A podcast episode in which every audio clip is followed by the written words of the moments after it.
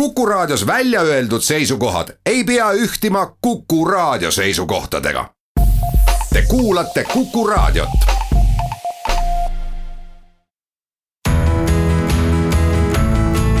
kuku Raadio nädala kommentaar. tere, mina olen Peeter Espak ja loen nädala kommentaari teemal Rahvaste kevad tõenäoliselt mäletab üldsus veel hästi filosoofi ja politoloogi Francis Fukuyama kaheksakümnendate lõpus ja üheksakümnendate alguses tehtud ettekuulutusi ajaloo lõpust ja teatava uue ning rahuliku maailmaajaloo perioodi saabumisest kogu planeedile. pärast külma sõja lõppu ja Nõukogude Liidu kokkuvarisemist tundus ehk paljudele, et lääne demokraatia ongi kogu planeedil võimust võtmas ning toobki endaga kaasa uue progressiivsema ajajärgu kogu planeedi poliitilises süsteemis nagu ka elutunnetuses Fukuyamat kritiseeriti kahtlemata juba enne üheksanda septembri terrorirünnakuid üpriski teravalt eri ajaloolaste ja filosoofide poolt tema mõttelende kritiseeriti tihti ka sellelt baasilt, et Fukuyamat peeti vasakpoolseks ja eriti ka rahvusriikide domineerimise ajajärgule lõppu kuulutavaks mõtlejaks. Olin ka ise tema seisukohtade osas üpriski kriitiline ja vahel isegi parastav või hukkamõistev, sest jutt tundus lihtsameelne, naiivne ja võib-olla kahtlemata ka paduvasakpoolselt reaalsust eitav. Nagu ka ajalugu meile näitas, Fukuyama naivistlikud, kuid kahtlemata tõepoolest paljuski meeldivad tulevikuprognoosid, vähemalt maailmarahu osas ei pidanud paika viimasel ajal olen aga Fukuyama mõtteid enda jaoks ümber mõtestanud ja näen neid nüüd pigem üleüldises ajaloofilosoofia plaanis veidi positiivsemas valguses usun, et Fukuyama mõtles oma teooriaid arendades hoopiski millestki muust, kui üldsus talle enamasti süüks pani. eelkõige lähtus ta eeldusest, et lääne demokraatia on valitsemisvormina osutunud kõige efektiivsemaks süsteemiks ning muutub varem või hiljem ka kogu planeedil domineerivaks valitsemissüsteemiks. kõikide oma vigadega koos ei saa seda ju eitada, et just läänelik demokraatia ongi osutunud majanduslikus plaanis ja ka inimeste vabadusi kaitsvas mõttes kõige edukamaks senini. Seda ka juhul, kui selle lääne demokraatia mõtet ei asuta labastama väitega, nagu seisneks lääne demokraatia liberalistlikus ideoloogias ning ka rahvuste kadumises. Tooksin siinkohal aga paralleeli maailma tõenäoliselt tuntuima ulmeseriaali või, või lausa paralleelulmemaailmaga Star track on vähe inimesi, kes poleks kursis Star tracki seriaalide ja filmidega ning on üldteada tõsiasi, et mitmed tänapäevased tavakasutuses olevad tehnoloogiauuendused pärinevad just Star tracki visionääridest kirjanike kujutelmadest. olgu nendeks siis tahvelarvuti või eri mobiiltelefoni versioonid seriaalis on kahekümne neljandaks sajandiks planeedil Maa välja kujunenud ühtne valitsus ning planetaarsed struktuurid. kõike tehakse koostöös, kliima kujundamisest kuni sotsiaalsete probleemide lahendamiseni.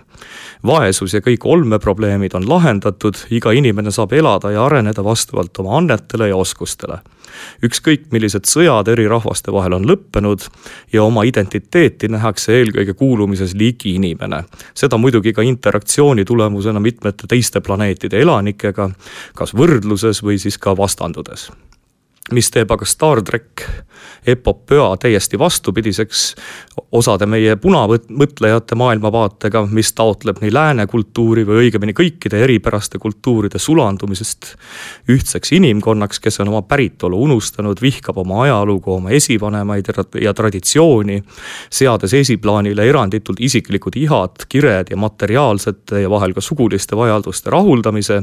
Star trackis on ka kahekümne neljandal sajandil alles kõik eraldi rahvad. Prantslased on uhked oma köögi, veini ja Pariisi üle, indiaanlaste hõimud arendavad edasi oma religioosseid praktikaid. venelased on endiselt venelased ning isegi kanadalastel on säilinud oma rahvuslikud eripärad. Star track ei ole mitte revolutsiooniline ulme, vaid üks stsenaariume sellest, milline võikski toimiv harmoonias elav sotsiaalsete probleemideta maailm päriselt välja näha. tegu ongi pildiga tõeliselt paremast maailmast, mitte aga vasakliberaalsest diktatuurist tabasin ennast mõttelt, et ka Fukuyama esindas ehk oma eelmise aastatuhande lõpus viljeletud ideestikuga just sellist maailmanägemust. ta unistas sõdadeta maailmast, kus eri kultuurid või tsivilisatsioonid ei võitle üksteisega, vaid asuvad uues ja heas maailmas ühiselt oma kultuure ja majanduslikku järge parandama. ühtlasi pidades silmas ka kogu planeedi perspektiivi. Fukuyama oli lihtsameelne ehk just selles, et tõi ideaalse maailma oma kujutelmades sadu ja võib-olla tuhandeid aastaid ettepoole ka oma aastataguses intervjuus Evan Goldsteinile kinnitab Fukuyama selgelt, et ta ei ole revolutsiooniline marksist või postmodernistlik lausa neobolševik, vaid hoopis keegi teine. Goldstein küsis Fukuyamalt, et miks ta valis oma peamiseks uurimisalaks kunagi nooruses politoloogia ning ei läinud hoopiski kaasa Roland Barthi ja Jacques Derrida mõttevooludega, kelle juures ta Pariisis oli õppinud. Fukuyama vastab järgnevalt, tsiteerin otsustasin, et see on täielik härja väljaheide. Nad olid abielus teatava Nietzsche'st tuleneva relativismiga, mis väitis, et tõde ei ole, et ei olegi ühtegi argumenti, mis oleks ülim teisest. suurem osa Neist oli selgelt pühendunud põhimõtteliselt marksistlikule agendale. see tundus täiesti vastuoluline. kui sa oled tõepoolest moraali relativist, siis pole ka ühtegi põhjust, miks sa ei võiks toetada natsionaalsotsialismi või eurooplaste rassilist üleolekut. sest mitte miski pole millestki rohkem tõesem. arvasin, et see oli pankrotistunud tee edasiminekuks ja otsustasin vahetada käiku ja minna poliitikateadusesse. tsitaadi lõpp. ka tänaste uusmarksistideks kutsutud mõtlejate lootused just rahvaste ja rahvaste kadumisest lähevad täiesti selgelt ja nähtavalt luhta võttes omale aluseks territaaliku marksismi, tema poolt soovitava ja loodetud uue internatsionaali, kus Euroopa ja lääne kultuur kaob ja sulandub täielikult ka sisserändajate tegevuse tulemusel üheks suureks ülemaailmseks internatsionaaliks, uueks olemisvormiks kogu planeedil, on ka meie Eesti ja loomulikult kogu läänemaailma padupunane intelligents võtnud omale eelduseks rahvuste ja rahvusriikide kadumise juba lähitulevikus. sedasama taotlevad meie punased Eestis, nagu ka Rootsi või Soome, samasugused mõtlejad Põhjamaades kahjuks on selle vägivaldse ja hävitava utoopia soovid luhtumas üle kogu planeedi.